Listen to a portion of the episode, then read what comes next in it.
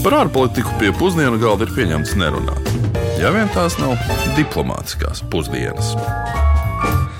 Labdien! Un esiet arī sveicināti mūsu ikdienas otrdienas raidījumā, diplomātiskās pusdienas. Nu, pēc uh, vairākiem relatīvi vieglākiem raidījumiem mums jābrīdina, ka šis būs nopietnāks un pat uh, visnotaļ drūms raidījums šodien. Jā, labdien! Un šodien mēs dosimies uz mazu apdzīvotu valstu Rietumāfrikā. Dosimies uz Mauritāniju. Lūdzam, nejaukt ar Maurīciju, par kuru runājām kādā no iepriekšējiem raidījumiem. Jā, nu, valsts oficiālais nosaukums ir Mauritānijas Islāma Republika. Cēlies no senās Mauritānijas karalistes, kas pati attiecīgi celsies no mauriem, berberu valodā runājošiem cilvēkiem Āfrikas ziemeļrietumos. Un, nu, starp citu, mūsdienu Mauritānijas galvaspilsētas Noakšotas vārds ir cēlies no berberu vārda Navakšuta, kas nozīmē vēju vieta. Nu, jāsaka, diezgan poētiski, zinot, ka daļa valsts teritorijas klāja tūkstnesis. Nu, vējiem ir kur ieskrieties. Bet, um, kā jau sākumā teicu, redzējums būs diezgan uh, drūms, jo šodien daudz runāsim par verdzību un cilvēktiesību pārkāpumiem, arī valsts lielo nabadzību un arī visnotaļ savādo skaistumu izpratni. Jā, bet tagad paklausīsimies, ko tad par um, Mauritāniju zina mūsu iedzīvotāji. Ar Mauritāniju man nekas daudz neasociējas.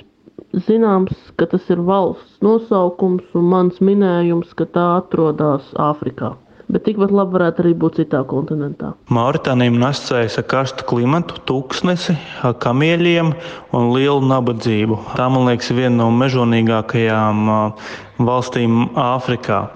Es ļoti labi atceros to, ka notika Dakāras rallija no Parīzes uz Dakāru. Tā bija tā vieta, kur gandrīz visiem dalībniekiem beidzās degviela dēļ tiem ceļiem un dēļ tiem apstākļiem, kas bija tajā valstī. Man Mauritānija īsti ar neko neasociējas. Ja nu vienīgais, ka tā ir valsts Āfrikā un iespējams uz karoga ir mēnesis. Iespējams. Par Mauritāniju neko daudz, daudz nezinu. Tik vien to, ka tā ir valsts šeit pie Sahāras, Islāma valsts, kā jau daudzām valstīm. Daudz, daudz resursu, bet mācīšana izmantot ir kā ir un valsts dzīvo diezgan, ja lielākā daļa valsts, ievērojami lielākā daļa valsts iedzīvotāji dzīvo diezgan lielā nabadzībā. Īsumā man Mauritānija asociējas ar Sahēlas reģionu Āfrikā un visām izējošām problēmām. Tas ir politiskā nestabilitāte, terorisms un klimata pārmaiņu negatīvās puses kā tādas.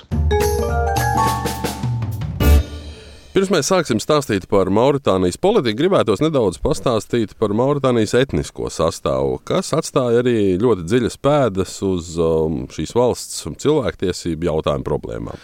Nu, vēsturiski pirms valsts kļuva par Francijas koloniju, tieši Berberi un Bafūri bija viena no pirmajiem, kas apmetās uz dzīvi tagadējās Mauritānijas teritorijā.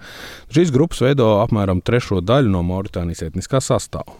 Pārējās etniskās grupas ir cēlušās no bijušajām paverdzinātajām tautām un subsahāras etniskajām grupām. Šīs trīs grupas ir organizētas saskaņā ar stingru kastu sistēmu, ar dziļām etniskām šķeltnēm. Savukārt, runājot par Mauritānijas politiku, tad būtu jāsāk ar to, ka tā ir, nu, kā jau minēts, bijusi Francijas kolonija un neatkarību ieguva tikai 1960. gadā.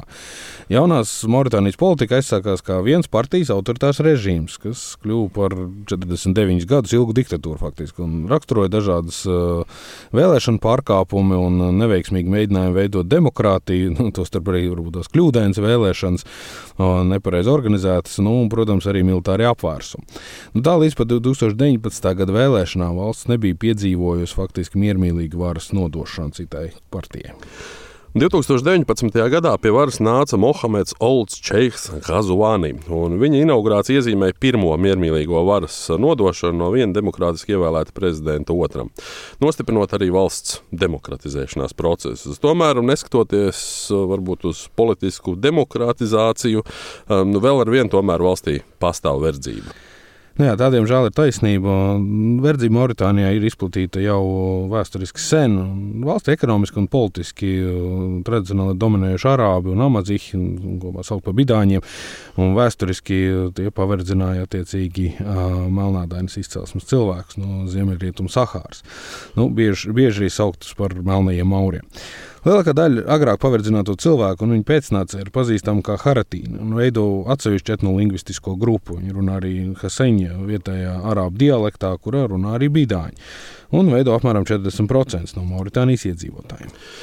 Lai arī Francija pasludināja verdzības izbeigšanu Mauritānijā 1905. gadā, vēl tās koloniālās okupācijas laikā, tomēr galu galā tā pati atteicās izpildīt šo lēmumu.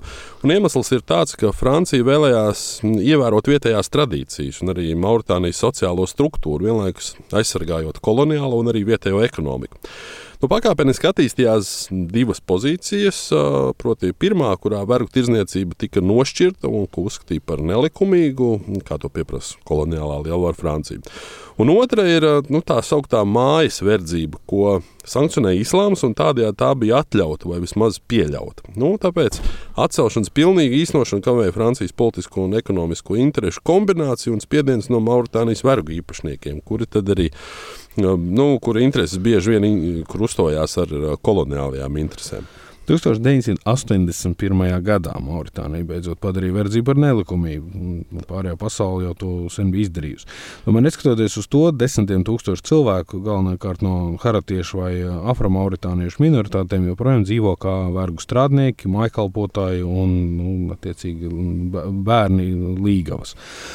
Vietējās tiesību grupas ziņo, ka apmēram līdz 20% valsts iedzīvotāji ir faktiski paverdzināti, un katrs otrais haratietis ir spiests strādāt fermās vai mājās bez brīvības, izglītības un atalgojuma. Un kā jau iepriekš minējām, tad papildus verdzībai ir izveidojusies arī stingra kastu sistēma, kas joprojām eksistē līdz pat mūsdienām. Un, uh, tumšādēni iedzīvotāji pieder saviem Nu, ja tā varētu teikt, gaišākajiem saimniekiem. Vargu status tiek nodots no mātes bērnam, bet verdzības apkarošanas aktīvisti tiek regulāri spīdzināti un aizturēti. Jā, tā valdošie arābu berberi ieņem augstākus amatus valdībā, savukārt tumšādainie haratieši un afromauritānieši ir nepietiekami pārstāvēti vadošos amatos un saskars ar daudziem šķēršļiem sabiedrībā, sākot ar piekļuvi izglītībai un beidzot ar normālu, labi apmaksātu darbu. Haratīna veids daudzus darbus, ko arābu berberi uzskata par netīriem vai pazemojošiem, piemēram, strādājot vietējos tirgos. Nu, vēl viena problēma ir tā, ka valdība regulāri noliedz verdzības esamību Mauritānijā, tā vietā slavējot sevi par šīs prakses izskaušanu, īpaši pēc 2019. gada. Uh, bet par Mauritānijas verdzības sistēmas īpatnībām vairāk stāsta Bubakars Olds Mesauts, kurš savulaik dibināja organizāciju SOS Esklavis Mauritānī, un starp citu ir arī pats no vergu ģimenes. l'esclavage que nous vivons, que nous connaissons en Mauritanie est un esclavage traditionnel Verdzības sistēma Mauritānijā ir tradicionāla verdzība, kāda ir pastāvējusi simtiem gadu. To nodod no mātes bērnam. Tas ir mantots status, un vergu sievietes bērni automātiski kļūst par vergiem. Tāpēc tie cilvēki, kuri ir vergi šodien, nāk no dzimtām, kuru priekšteči bija vergi vēl pirms daudzām paudzēm. Tāpēc var teikt, ka neviens Mauritānijā īsti verdzību nav samazinājis. Taču šai verdzībai ir dažas pazīmes. Vergi tiek pakļauti un viņu īpašnieki pār viņiem dominē. Patiesībā šie vergi nezina neko citu kā vien šādu sistēmu. Iespējams, ka jūs vairāk esat pazīstami ar tādu verdzību, kā bija Amerikā, kur cilvēki turēti važās un publiski pērti. Mauritānijā vergi netiek turēti ķēdēs un arī netiek publiski sodīti. Viņiem ir ļauts brīvi pārvietoties, bet viņi ir pilnībā sasaistīti ar sava saimnieka ģimeni. Viņu pagātne, tagadne un nākotne ir pilnīgi atkarīga no sava saimnieka. Var teikt, ka vergi ir samierināti apmierinājušies ar savu likteni, jo tas ir saistīts ar islāma instrumentalizāciju. Es arī esmu musulmanis, taču man nav pieņemams, ka daudzās Āfrikas valstīs verdzība tiek attaisnota ar islāma ideoloģiju. Tiek apgalvots, ka islāms piešķir cilvēkiem dievišķas tiesības turēt vergus, taču tie ir meli. Mauritānijā vergu pakļaušana nozīmē to, ka viņu iespējas nokļūt paradīzē ir tiešā veidā atkarīgas no viņu saimnieka un no pakļaušanās saimniekam. Papildu reliģiskajam aspektam ir svarīgi apzināties, ka sabiedrībā valdošajās pozīcijās arī atrodas vergturu klase. Šie cilvēki pārvalda zemi, kontrolē lopus, labklājību valstī. Šo cilvēku kontrolē faktiski atrodas viss valsts aparāts.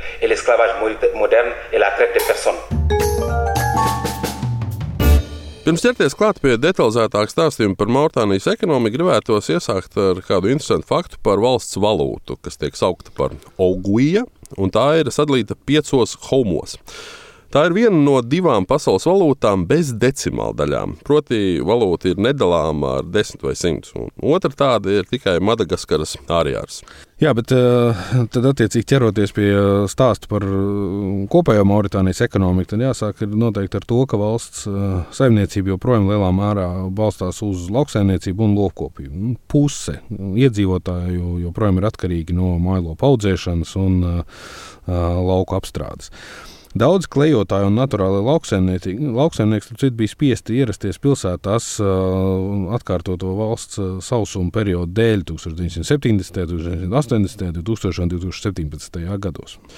Nu, vienlaikus Mauritānijā ir arī plašas dzelzceļa atradnes, kas kopumā nodrošina aptuveni 50% no kopējā valsts eksporta. Tomēr pasaules pieprasījuma samazināšanās pēc šīs rūdas bieži vien izraisa ražošanas samazinājumu.